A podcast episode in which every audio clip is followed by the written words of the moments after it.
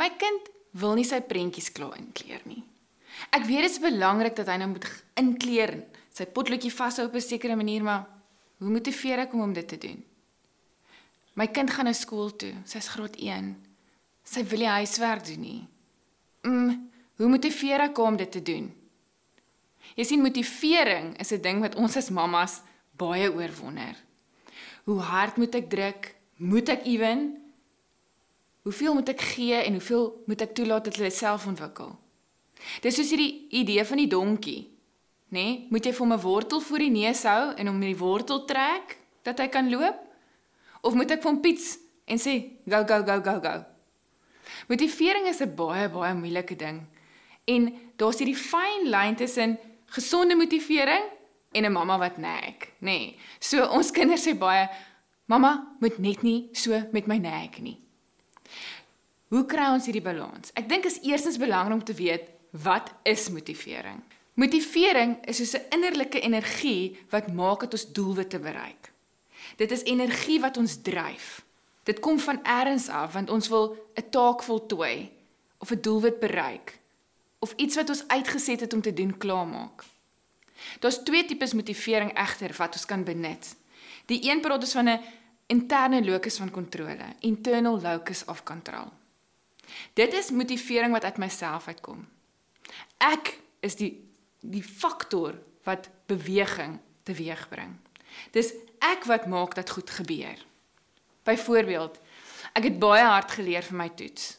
Daarom het ek goeie punte gekry. Ek het baie gaan hardloop elke dag. Dis kon ek die resies voltooi. Die motivering kom uit myself uit.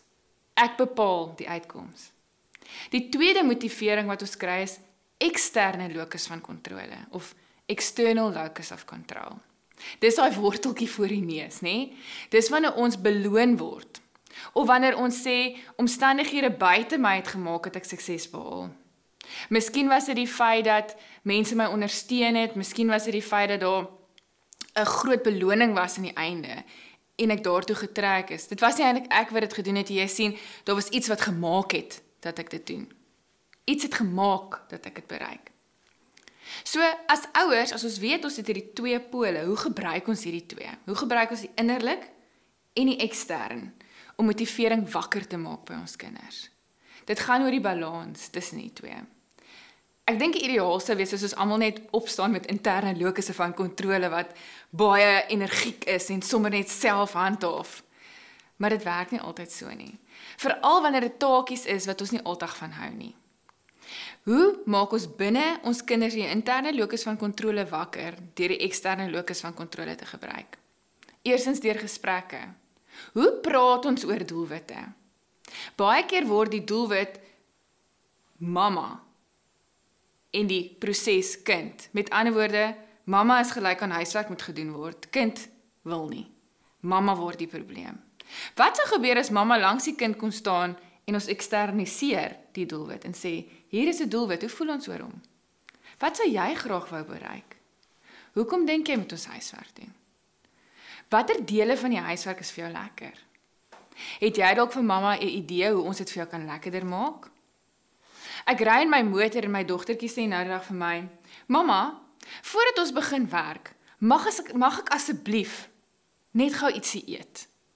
Ons kom altyd by die huis aan, gooi die tassies neer en doen gou-gou vinnig huiswerk, want jy weet dan sit klaar.